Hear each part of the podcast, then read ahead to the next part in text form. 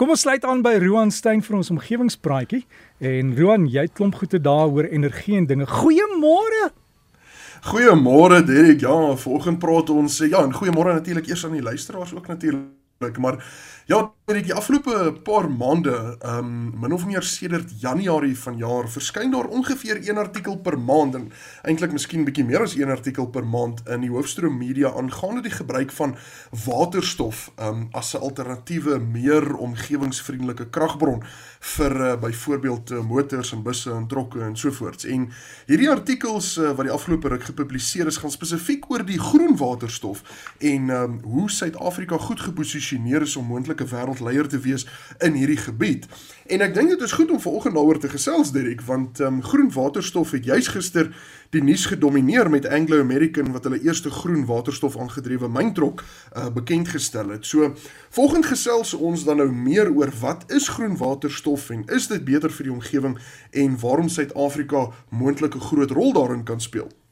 So ek dink uh, luisteraars en Dirk Ek dink kom ons kyk net gou-gou oor die oorkoepelende groot prentjie. Um as ons vandag na die wêreld kyk, dan sien ons heelwat tegnologiese vooruitgang um, in die afgelope 100 jaar met motors en vliegtye ensovoorts. En dit is baie goed vir werkskepping en en en die en die ontwikkeling van sterk ekonomieë en dit is sommer nou maar net twee van die laagste vrugte op hierdie groot boom wat mense nou kan pluk en noem. Nou natuurlik weet ons ook dat daar ehm um, uh het er, met met hierdie redelike vinnige vooruitgang het daar 'n negatiewe impak gekom, ehm um, spesifiek teenoor die omgewing en nog steeds op die oomblik het ons daardie 'n uh, uh, negatiewe impak en soos ons almal bewus is, word daar dan nou na alternatiewe kragbronne gekyk om nog steeds die vooruitgang van die mens en tegnologie te fasiliteer sonder om die omgewing in die voet te skiet.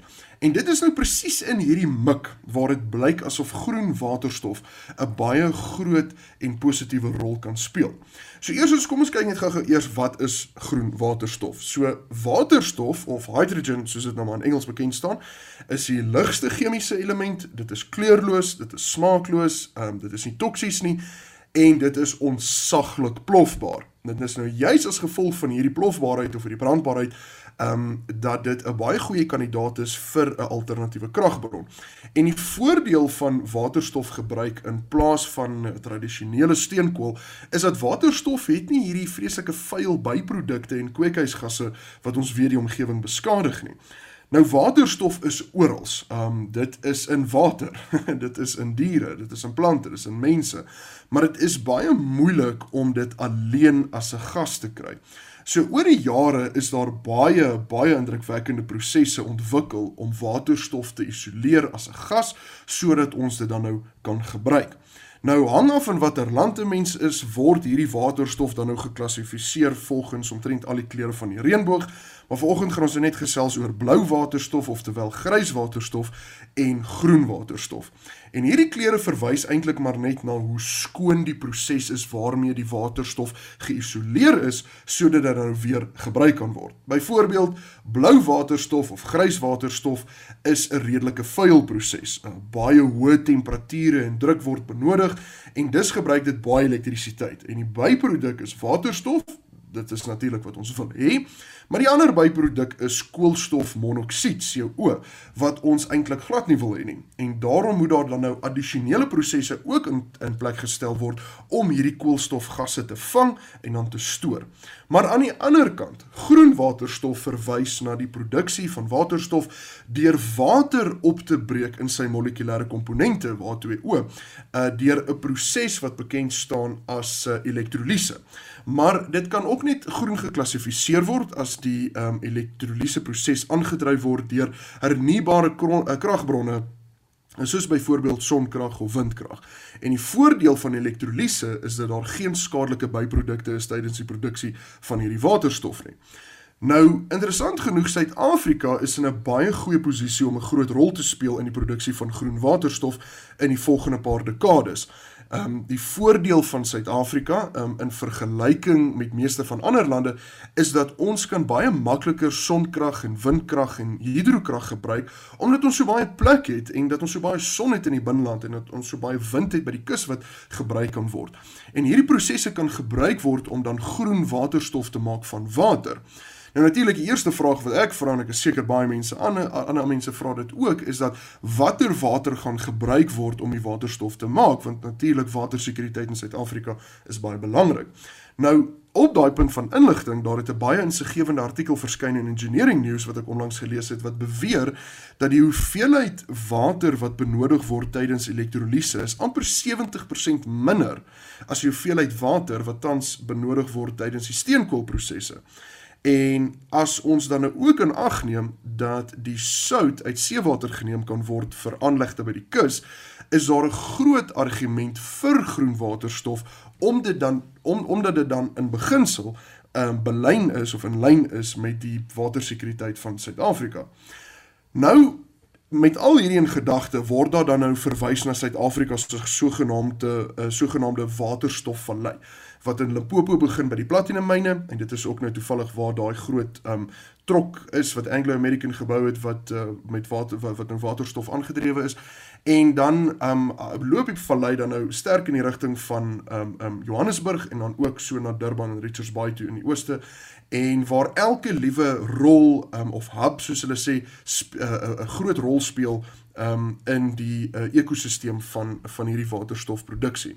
Nou omdat Suid-Afrika eintlik in 'n baie bevoordeelde posisie is om so baie son te hê waarmee krag opgewek kan word en so baie wind by die kusgebiede het om ook krag op te wek, kan Suid-Afrika in beginsel groen waterstof maak of produseer teen 'n baie beter prys as wat ander lande dit kan doen teen 2030.